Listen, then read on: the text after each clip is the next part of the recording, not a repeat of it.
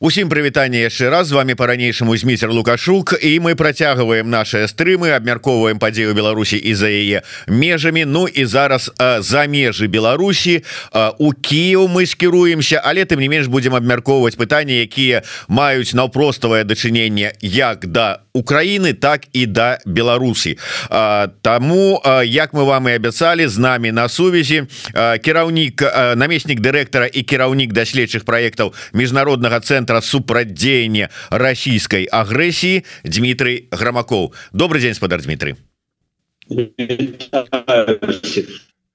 Так что-то у нас там перабоі с інтэрнетам ці что там а, ну будем спадзявацца что далей все будзе а, добра а, так спадар Дмітрый пачну я ведаеце з чаго? Пачну з того что мне тут яшчэ до того як пачалася наша трансляцыя мы выставілі анонс нашага эфира і мне тут пишутць каментары. по такие до прыкладу громаков всегда крайне высокомерен в отношении Беларуси и демсил в своих выступлениях. Неприятный гость держитесь Дмитрий. Вы сапраўды так лічыце что так троху дакладней так высокомерность у вас есть у дачыненні до Беларусі и беларускіх демсил? Абсолютно нет. У меня только скажем так У меня есть позиция Украины. Как бы там ни было, но я украинец, и я представляю интересы Украины. Высокомерие может появляться тогда, когда есть достижения. У Украины пока не такие большие достижения, чтобы мы могли позволить себе а, высокомерие по отношению вообще к кому бы то ни было, тем более и белорусской оппозиции, которая оказалась в достаточно сложных условиях, практически как и мы.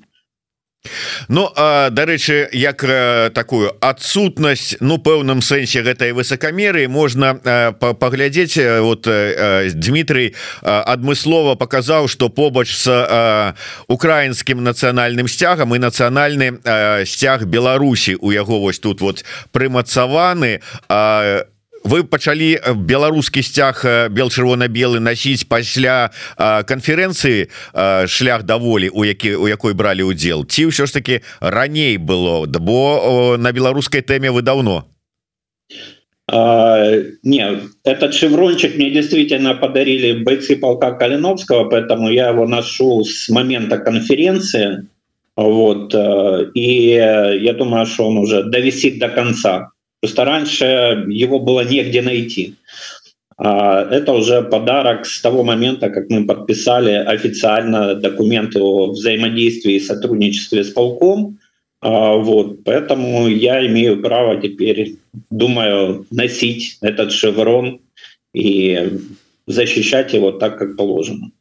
А, так на гэтую тэму мы працягнем конечно размаўляць але я трошку зайду здалёк прыгадаю наш эфир у мінулым годзе здаецца і тэма якую мы асноўную абмяркоўвалі мы абмяркоўвалі тое что у снежні 2022 года у Румыніі по ініцыятыве Ну і прынамсі под куратарствам Дмітрия гармакова прайшла такая панель якая называлася Беларусь 2030 адказ на выклікі тады на вот гэтую панель у Румыніі у гэтую панель яшчэ раз нагадаю праведзеную арганізаваную з ініцыятывы украінскага боку сабраліся прадстаўнікі лідары розных структур беларускай беларускіх дэмакратычных сілаў. Пасля того як інфармацыя про гэтую панель з'явілася у сМ чамусьці усе сказалі что гэта Кіев ладзіў такія смотрыны для беларускай апозіцыі каб выбраць тую структуру з якой ён надалей будзе супрацоўнічаць на якую зробіць ставку і вот глядзім зараз канферэнцыя беларускіх дэмакратычных сіл у Киеве у спадар Дмітрый прысутнічае на гэтай канферэнцыі як і шэраг іншых палітыкаў Украіны прадстаўнікоў там депутатаў Верховнай Рады і гэтак далей там прадстаўнікоў галоўнага ўправлення разведкі Украіны. То есть вот такое добрае прадстаўніцтва. А толькі что вот Дмитрий сам сказал что была подписана такая домова об супрацы і ўзаемадзеянні паміж полком кастуся каліновскага і цэнтрам вот які прадстаўляе Дмітрый цэнтрам міжнародны цэнтр супрадзеяння расійскай агрэсіі то есть можна сказаць что адказ на выклікі знойдзены і кастынг завершаны ставка зроблена на полк Ну, скажем так, это точно Румыния точно не была смотринами. И э, о том, что это смотрины, так восприняли сами белорусские участники, и они начали развивать там эту тему. Для нас было э, в Румынии важно посмотреть, как белорусы видят э, свое будущее, как они видят развитие процессов, как они видят свое возвращение в Беларусь видят ли вообще в принципе. И э, действительно, мы тогда смотрели на то, как будут развиваться процессы и как могут развиваться. Я не был куратором э, того действия, я был организатором этой э, форсайт-сессии. Вот, для того, чтобы мы могли себе сложить картинку, что происходит внутри белорусской оппозиции, из чего она состоит и за что э, она борется прежде всего. Вот. Э, как бы там ни было, была бы э, сессия в Румынии или не было ее, но Пол Калиновского — это э, группа людей, которая действительно воюет в Украине, э, наиболее близкая к нам и с которой нам удобнее и проще всего работать. Потому что это люди, которые, э, скажем так, э, ну, не проговорить, а проделать. Вот они там сказали, нам нужны танки. Им сказали, берем в бою, оставляете себе. Они захватили там танки, у них есть Сегодня у белорусского подразделения есть свои танки, есть свои минометы. Что-то даем, давали им мы, что-то они захватывали вместе с нами в бою. Поэтому э, ну, никаких кастингов точно не могло быть.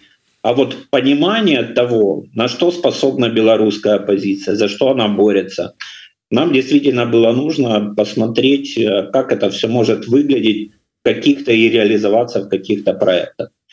Потому что после этого была встреча в Варшаве, где уже присутствовали, да, там тот же Богдан Еременко, наши депутаты, и смотрели, а, как э, реагирует оппозиция, за что она там, на что она готова.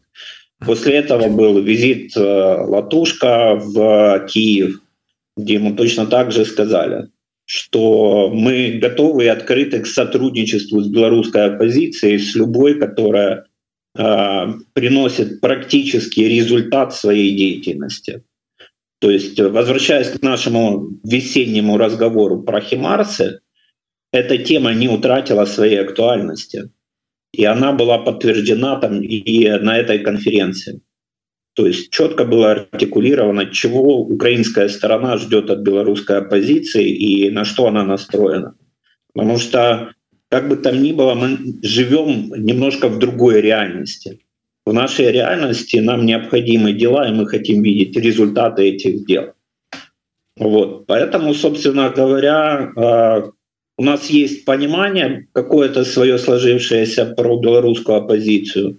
И ну, вот э, история этой конференции, она же достаточно показательна, и она продемонстрировала, насколько верно мы понимаем то, что происходит.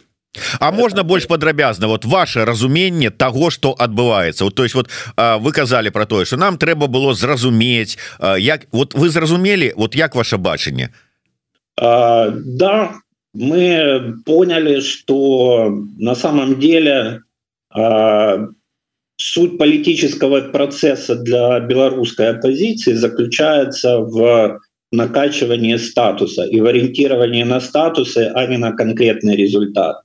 И те заявления, которые были сделаны белорусами а, в ходе этой конференции, они только это подтвердили. Да? То есть мы можем там вспомнить заявление Лебедько, которое он и демонстрировал, что вот э, он приехал вообще-то не на конференцию, не к полку, да, он приехал встретиться с, э, там, с Подоляком с, в офисе президента, А на конференцию он пришел, ну, так вот, время было у него осталось, он решил зайти на конференцию.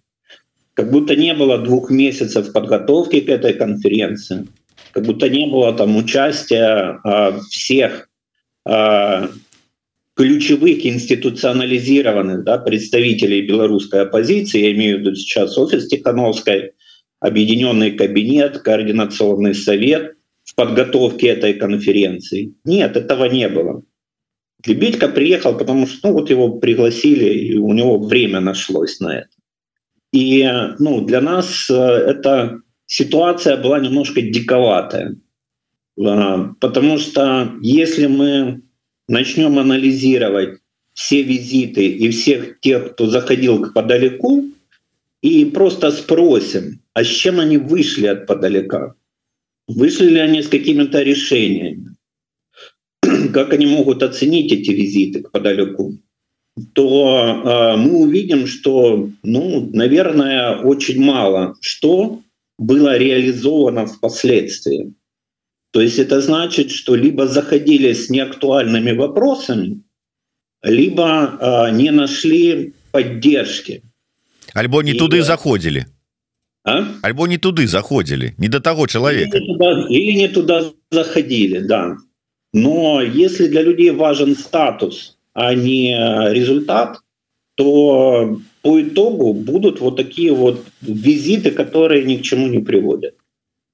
Дарэчы можна я просто удакладнюся? Вы вы вельмі не любіце калі я вас называю паліттэхнолагам тому что цяпер-то вы не паліттэхнолог но раней-то былі ім і разбіраецеся ў прынцыпе у палітычных тэхналогіях і як функцыянуе украінскі палітыкум. Скажите мне вот я чуў не один раз что той же самый арестович той же самый падаляк ну как бы статус у хотя тоже які там статус асабліва нейкі там дарацца э, там на, на грамадскіх пачатках что маўляў яны нічога не вырашаюць хадзіць да іх ну можа быть чаю попіць і там селфки зрабіць А до кого трэба хадзіць вопрос заключается в том что вы хотите решить Ну, ну вот, знайти, знайти норм, нормальные того, решить вопрос по детям да и по а, а, выписке там Э, ордера Международного уголовного суда, он пошел к прокурору, он пошел к омбудсмену. И процесс приобрел как бы необратимый характер. Да? Он пошел к депутатам. В итоге есть резолюция о том, чтобы поддержать это Европарламента. Есть, э, вернее, парламентская ассамблея, по-моему. Э, есть какие-то результаты этих походов. Но когда вы идете к Арестовичу, когда вы идете к Подаляку, вы должны четко понимать, а за что эти люди сегодня отвечают в стране. И с теми ли вы вопросами идете к ним, за которые они отвечают.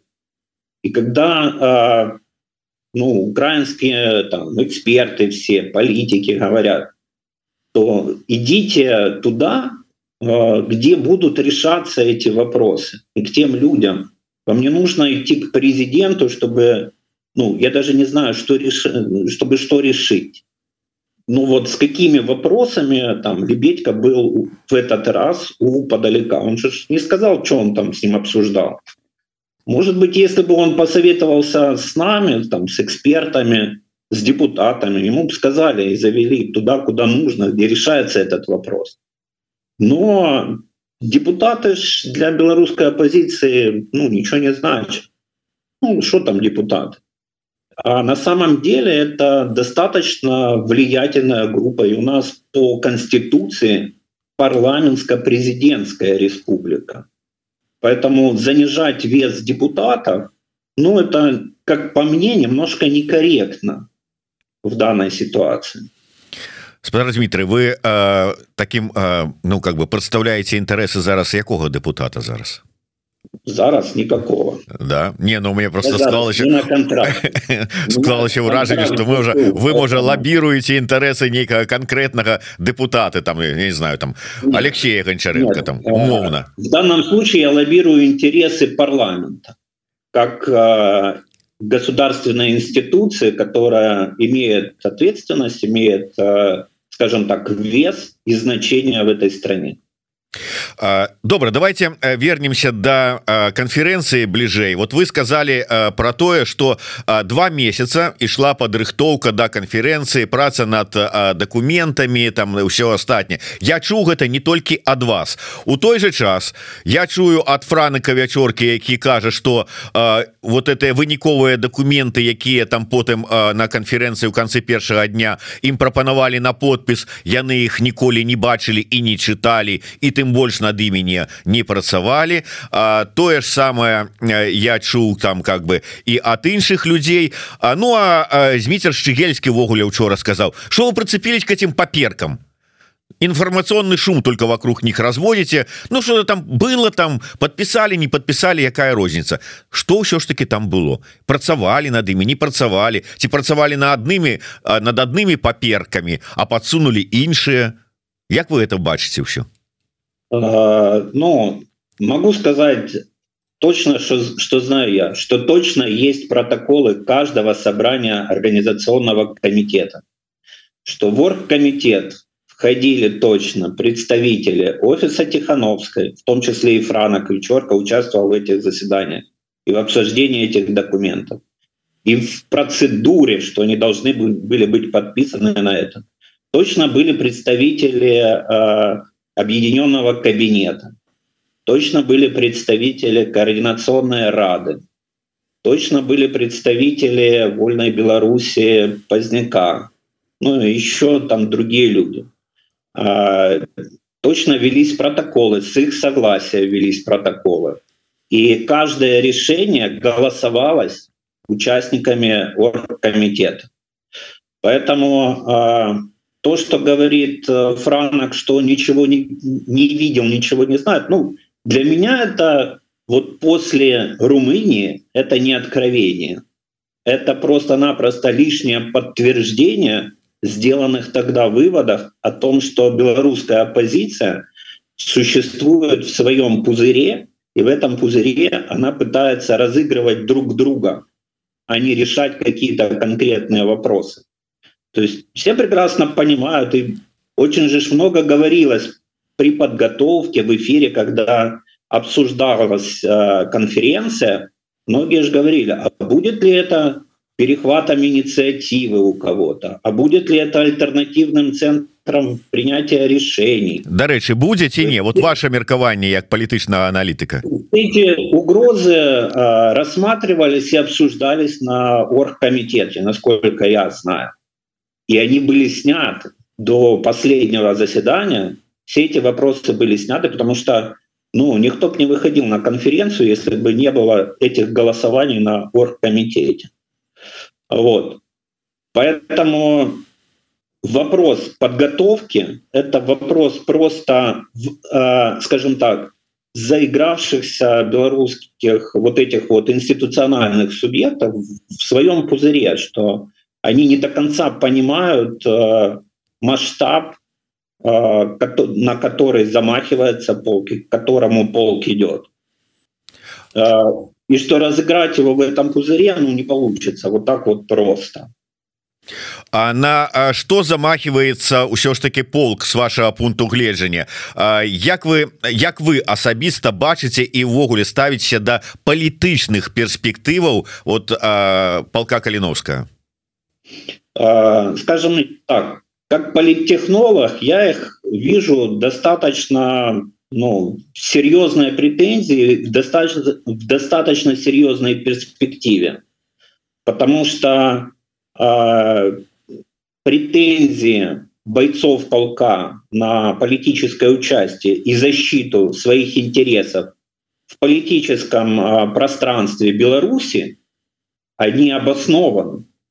Потому что благодаря этим людям э, Беларусь сохраняет свой вес и на международной арене, и на региональной арене, да, то есть как бы там ни было, но все прекрасно понимают, что только благодаря там наличию полка Калиновского Украина вообще ведет какую-то дискуссию с белорусской оппозицией и с белорусами.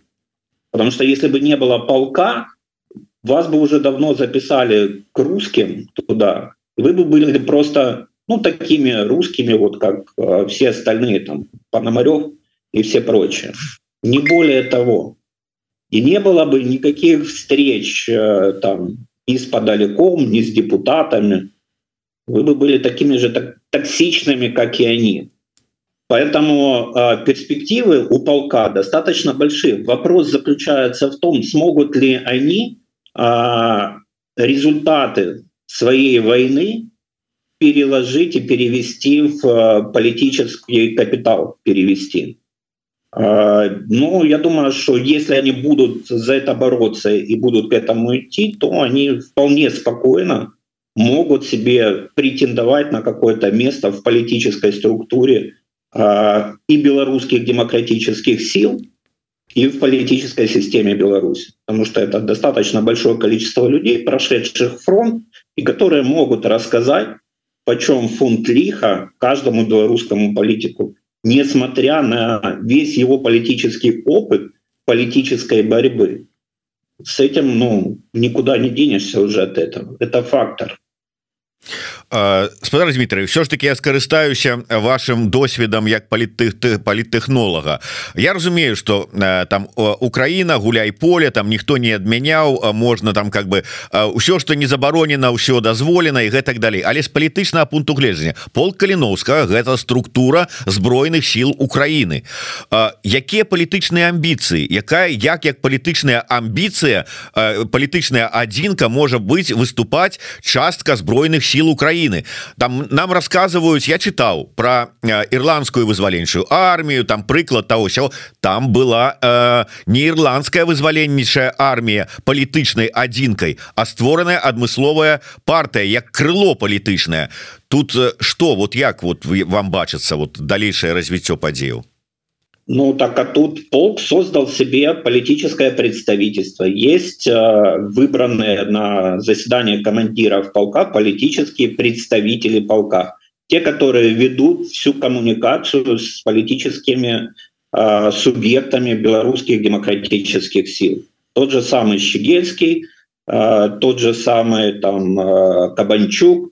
Да, вот сейчас после создания ЧВК это будет Шурмей, Поэтому они рождают своих политических лидеров, которые будут представлять их интересы.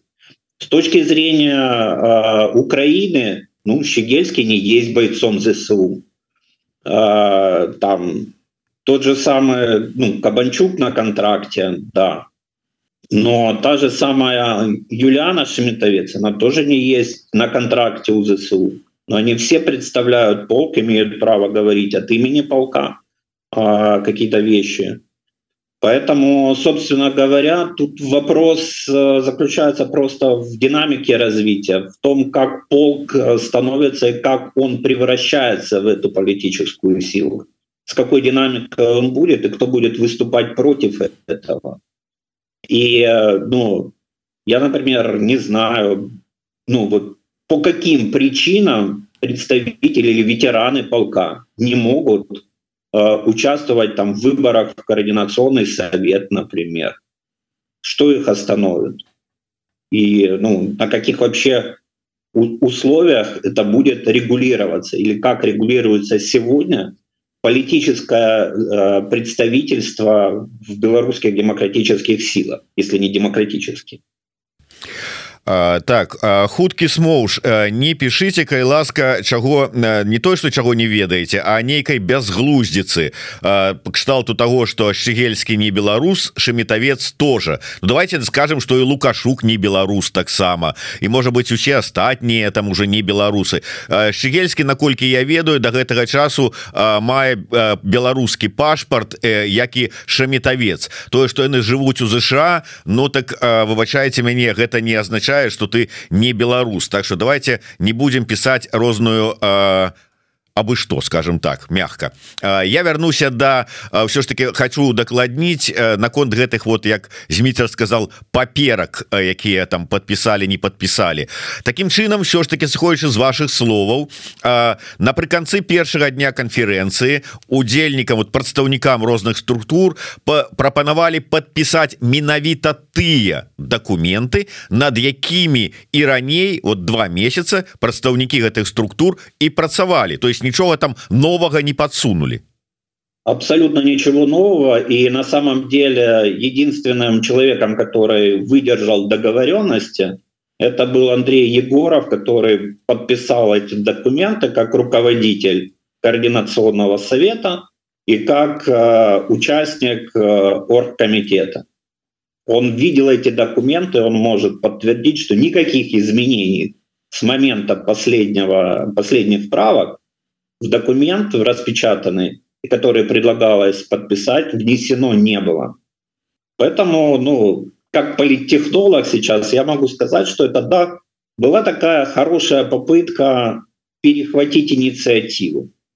Ну, то есть, э, как Лебедько сказал, да, это хороший урок для полка, что такое белорусская политическая э, белорусский политический процесс. Вот он для полка он вылился вот в такую в такой кейс, в такой опыт, да, чего стоят э, все эти договоренности и как с ними работать. И да, полк э, на сегодня не публикует никаких э, как бы документов только благодаря тому, что они пытаются еще договориться с офисом о том, что э, все как бы присоединятся к этому, выполнят свои договоренности прежде всего в каком-то там не было формате. И тот э, консультационный совет, который э, заявлен был в документах, в меморандуме и в обращении, он э, начнет работать и начнет работать эффективно. Все ж таки вы лічыце, что вот этого перацягвання коўдры на сябе ў палітычным сэнсе з боку палка не было то есть а, мы зараз скажем не может быть там не ў таким не ў глобальным сэнсе а на ўзроўні вот украінска Украины то есть вот в Украине паліт палітычную коўдру на сябе полк конкретно нацягнул Нет, он ничего на себя полк не вытягивал, просто у полка есть проблемы, которые нужно решать. Проблемы с обеспечением, проблемы а, с потоком рекрутов, который сократился. Да? И для того, чтобы решить эти проблемы, ему нужно взаимодействие с ключевыми игроками в белорусских демократических силах. То есть ему нужна поддержка и офиса, ему нужна поддержка кабинета, а самое главное, им нужен какой-то план, которым они могут, э, в который они могут э, Э, реализовывать для того, чтобы показывать свою деятельность и э, двигаться не только да, в защите э, ну, на украинском фронте, в защите украинских интересов, но полк создавался и рекруты шли, очень многие шли ровно для того, чтобы вернуться в Беларусь. Они шли сюда а, для того, чтобы потом освобождать Беларусь а не умереть за там, киевские пагорбы.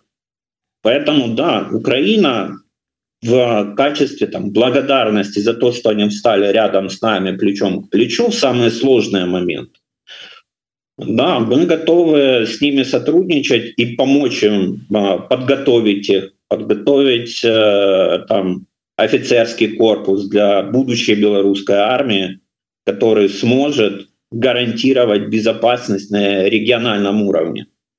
Значит, ну, с кем нам разговаривать в Беларуси сегодня? То есть все, что происходит сегодня вокруг Беларуси, оно свидетельствует об одном. Украина не будет работать с режимом. Как бы кто там не пытался сейчас представить и отинтерпретировать слова там э, Арахами про звонки. Но если мы будем откровенными и внимательно послушаем, то Рахамия четко сказал, что Зеленский не захотел разговаривать с Лукашенко, и он не хотел переговоров. А это Рахамия принес ему трубку, чтобы хотя бы послушать.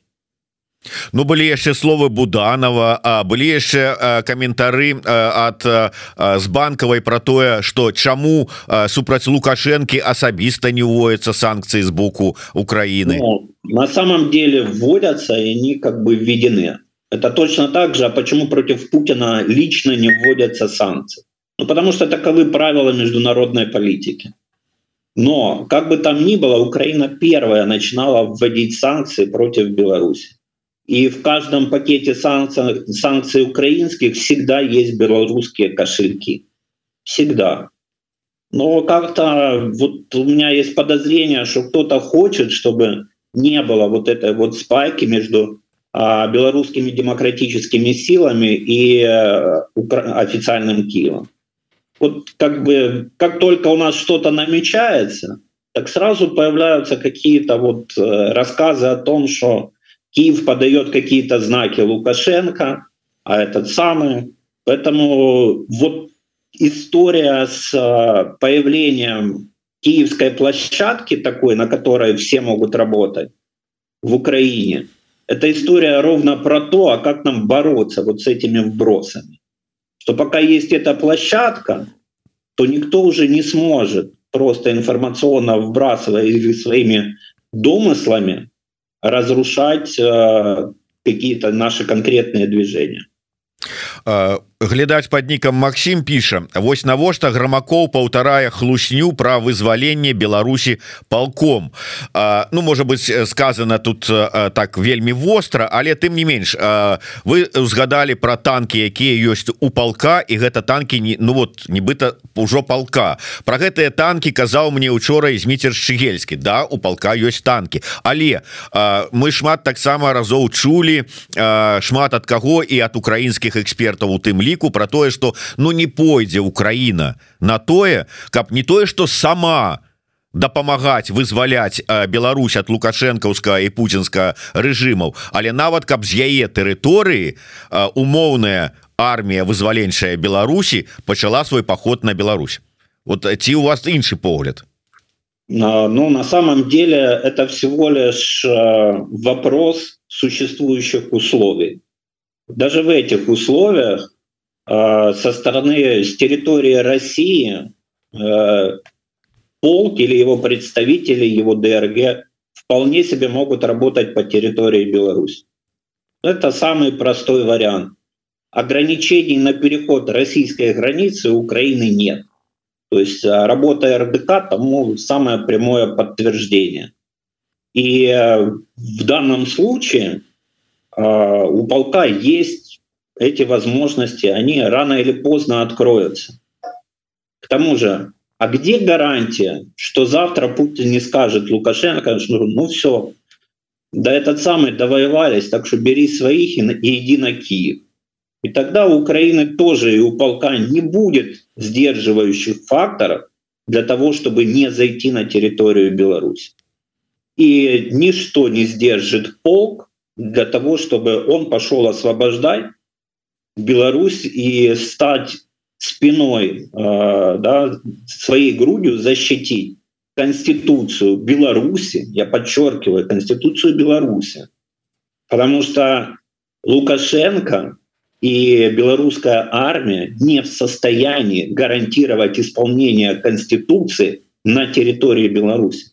С 24 числа 2022 года, да, с момента прорыва границы с территории Беларуси, Беларуси как государства конституционного не существует, потому что не было ни одного приказа, не было ни одного действия со стороны белорусской армии и конституционных органов для того, чтобы защитить, по-моему, 18 пункт вашей Конституции, где черным по белому записано – что территория Беларуси не может быть использована для агрессии против третьих стран. Поэтому вот с этого момента о существовании белорусского государства там, под лукашенковским режимом мы можем забыть. А... Пока не будет э, восстановлен конституционный порядок. И эти ребята пойдут восстанавливать конституционный порядок на своей территории. И задача заключается и белорусской оппозиции в том числе, чтобы сформировать уже действительно национально-освободительное движение. Раз уж вы так ну, хотите что-то освобождать, то сформируйте его. Для этого есть международное право, есть э, прецедент. Дарэчы вось шчыкельскі учора в эфире троху нават шакаваў мяне сказаўшы что ўжо пачалася праца над стварэннем беларускай арміі сапраўднай у тым ліку не толькі на тэрыторыі Украіны але і на тэрыторыі еўраса Еўропы бо ёсць розныя структуры там скажем падрыхтоўкі будучых ваяроў. Вы бачыце сапраўды магчымасць стварэння беларускай арміі? Ну, вот реально глядзець на рэчы. Ведаючы кошты да. на зброю наколькі каштуе вот армію стварыць? Ну это вопрос вопрос ресурсов это вопрос готовности. Когда Украина а, начала сопротивляться а, России да, в этой войне с момента 14 а, года с момента 24 февраля 22 года у Украины что было ну там оружие больше чем у России поддержка Украины началась ровно в тот момент, когда все поняли, что Украина выстояла. Вот после этого началась поддержка. Я напомню, что Хаймарсы нам дали первые в июне месяце, через э, почти 4 месяца после вторжения. А до этого у нас, кроме там пары сотен джевелинов, ничего не было. И после этого сформировалась и антипутинская коалиция, и Рамштайн появился. Только с того момента, когда нация украинская смогла доказать, что она способна к сопротивлению и будет сопротивляться. Вопрос. У белорусов есть это желание, этот потенциал к этому сопротивлению или нет? Если вы его не демонстрируете, то и ресурсов вам никто не даст. Вот что давай. И да, то, что в ходе на второй день конференции появилась э, ЧВК, это э, временная военная комиссия, да, которая займется, да, именно формированием с нуля белорусской армии, начиная от знаков различия и заканчивая э, наградами да, для белорусов.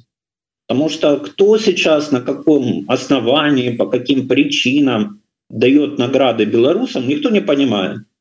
А там уже по согласованию да, и утверждению всех парамилитарных образований белорусов, которые есть, будет вырабатываться система. И она будет выработана. Мы как бы, я так думаю, что с той, э, скажем так, то, что я увидел на этом круглом столе по безопасности, она будет создана и она будет работать. Дмитрий яшчэ вярнуся да маей размовы с франакам калі прогучала пытанне про тое чаму все ж таки тихохановская не поехала на гэтую конференцию ён сказал что размова про гэта ішла але Киев ну как бы не выслал офіцыйну то есть не захотел выслать такого офіцыйнага запрашэння Маўляў яшчэ не час для сустрэч і увогуле наведаванняў такого ўзроўню. Як вы что вы на это откажете Ну, на самом деле история про еще не время, она гуляет еще с прошлого года, с 22-го, с первого попытки, да, э, Тихановская э, там как-то встретиться с Зеленским. И тогда, да, еще Ковалевский эту историю рассказывает. Но в этот раз, и тут нужно смотреть на другое, ведь Тихановская в данном случае ехала в Украину не решать вопросы с Украиной. Она бы ехала для того, чтобы поддержать бойцов белорусов, которые воюют в Украине. И у украинской стороны не было вообще никаких э, там ну, какого-то противодействия против такого визита. Я могу сказать точно, что как э, через нас шли документы на заезд, и консультации со спецслужбами а, по поводу того а, проверок. По Тихановской никаких вопросов на ее въезд со стороны Украины не было. Она могла спокойно приехать, поучаствовать в круглом столе, причем в круглом столе приехали ну, поучаствовать два народных депутата, причем и от оппозиции, и от провластной партии, а, посол Беларуси, который был там по задаче МИДа, как представитель МИДа украинского. Вы про И, Игоря Кизима зараз. Да, я сейчас говорю про Игоря Кизима. То есть украинская сторона к диалогу с белорусской оппозицией готова. А вот белорусская оппозиция ищет каких-то статусных людей для того, чтобы а, с ними как-то встретиться и коммуницировать. Для белорусской оппозиции посол не имеет никакого статуса для того, чтобы с ним встретиться и пообщаться. Хотя бы на уровне главного советника Тихановской. Поэтому вопрос как бы сейчас по отношению там, украинцев э, белорусским демократическим силам, это ну, не вопрос к украинцам, это вопрос к белорусским демократическим силам, что они хотят от Украины. Сформулируйте желание. Ну у любым выпадку словы Дмітрия грамакова про тое что у СБУ там ці у іншых спецслужб Украины пытанняў да тихохановской не мае она спокойно могла приехать у Киев на конференцию гэта отказ тым хто кажа про тое что тихохановская гэта агент там ФСБ газпрома там ці яшчэ невядома кого Дмитрий я яшчэ раз до вас як да палітэхнолага все ж таки скажите на полит палітычную ауру палка каліновскага. Уплываюць гэтыя чуткі якія ходзяць про тое что не ўсё так добра ў штабе палка что яны там нейкую десятціну забіраюць что у іх там нейкія там праблемы с бойцамі і гэтак далей гэтак далей.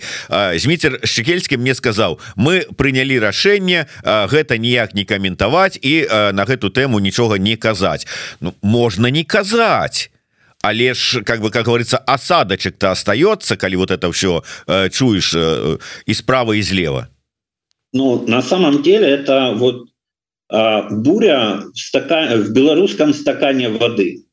Потому что с точки зрения э, Украины полк воюет люди сражаются люди э, там двигаются и развиваются поэтому проблемы между штабом, потому что штаб все равно состоит из украинских офицеров. И э, вот когда э, белорусы рассказывают про конфликты бойцов и какого-то штаба, вопрос заключается в том, что э, ну, эти же бойцы могут и изменить этот штаб. Примите устав, примите этот самый, ну, в чем проблема? Никто ж не запрещает. Это вопрос самоорганизации белорусов. И Украина сюда здесь вмешиваться может только по очень серьезным фактам, а, скажем так, это измена, это работа на спецслужбы, это какие-то юридические факты. С точки зрения э, Украины, да, там ее уголовного права и всего прочего, военных э, уставов, никаких нарушений ну, внутри полка их не существует.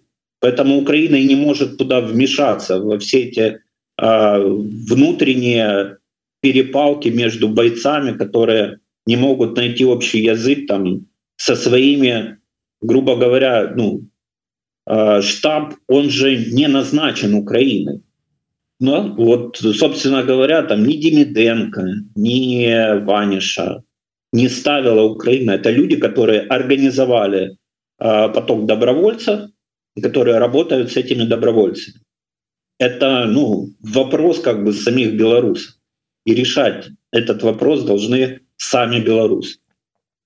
Поэтому э, для меня вся вот эта история — это вопрос просто дискредитации полка и сдерживания его политического развития. Потому что так или иначе белорусы, которые отвоевали, были ранены, а, там, ну, вышли на пенсию, кто-то выгорел, те, которые выходят рано или поздно, у них будут появляться какие-то амбиции. Политические, экономические и прочее. У них будут появляться вопросы. И что нам, забыть про этих бойцов теперь? Нет. Значит, у них должна быть какая-то ниша, где они могут реализоваться как белорусы. И э, я считаю, что эта ниша будет, должна быть создана.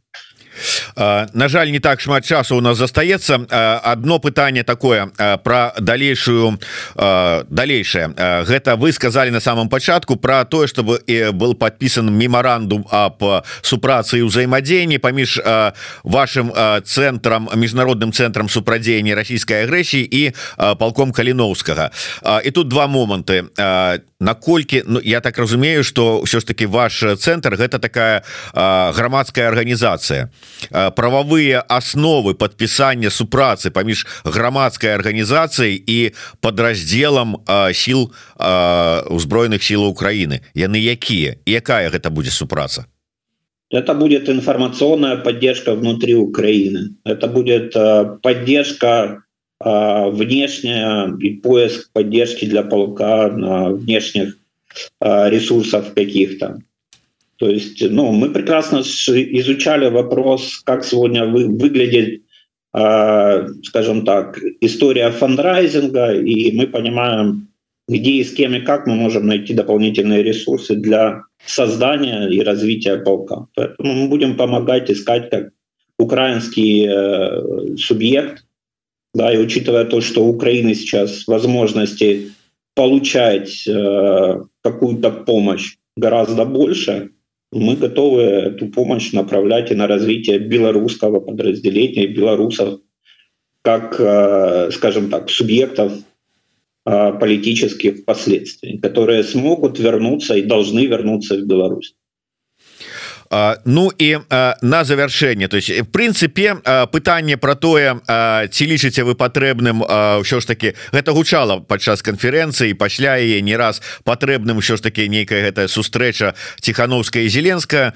Ну я думаю что можна і не задаваць. Вы уже там агучылі пытанне что трэба у іншыя дзверы заходзіць і іншыя фармуляваць нейкія тэзісы а не імкнуцца до таких показальных сустрэч Нет, на самом деле тут главное не, не во встрече Тихановская и Зеленского, а в том, чтобы Тихановская встретилась со своими бойцами. Потому что, ну, как бы там ни было, но это белорусы. И тут вопрос целеполагания. Что важнее для Тихановской? Поддержать своих белорусских бойцов, которые являются ее адвокатами в Украине – и э, предоставляют адвокацию белорусов в Украине. Или встреча с э, президентом Зеленским. Так вот, Зеленский, который ездит на фронт, там королева, королева принцесса британская, которая ездит к бойцам на фронт, она совершает визиты не там, в страны, где стоят контингенты, она приезжает в части своих э, бойцов. И когда мы читаем в прессе о том, что она посетила такой-то там часть где-то в Кабуле или в этом самом, в Афганистане, то она не требует, и э, медиа не пишут о том, что а по ходу она встретилась со своими бойцами. Ну можа медыі не пишутць але а, по походу яна сустрэлася с кіраўніцтвам Афганістана гэта ёсць не факт Потому что, как правило, все-таки коммуницируется ровно то, что она поддерживает и встречается со своими бойцами. А керівництво зачастую даже ну, не, не упоминается, потому что там есть свой протокол для королевских особ.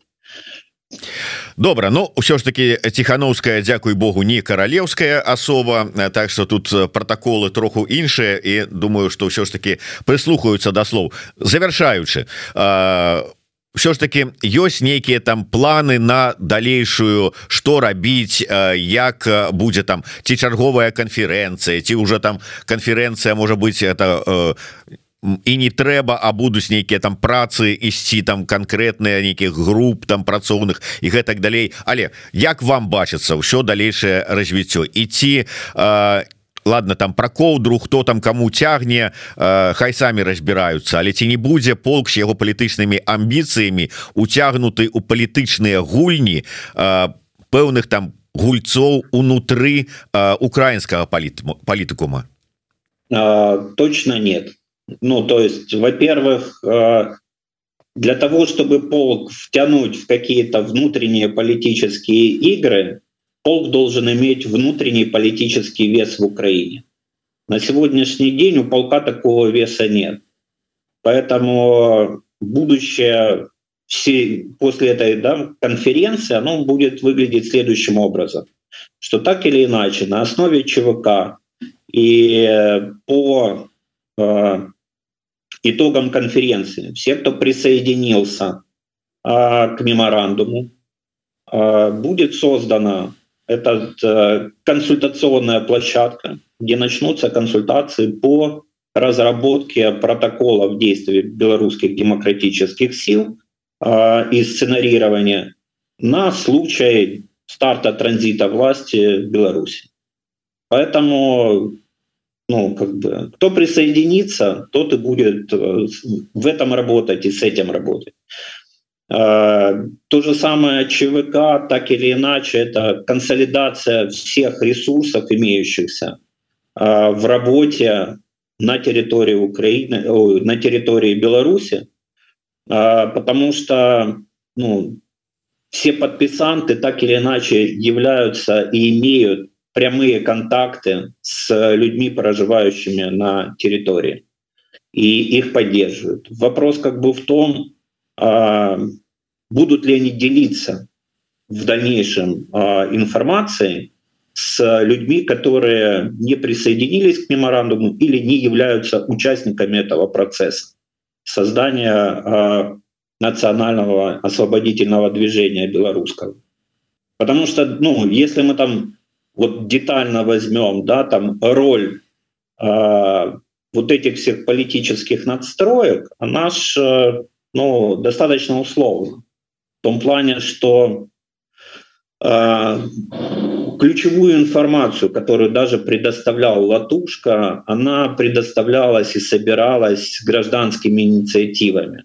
И он смог ее лишь политически реализовать да, в своем при своих визитах в Украину, в коммуникации с э, народными депутатами, в коммуникации с, омбуд, с э, об, омбудсменом.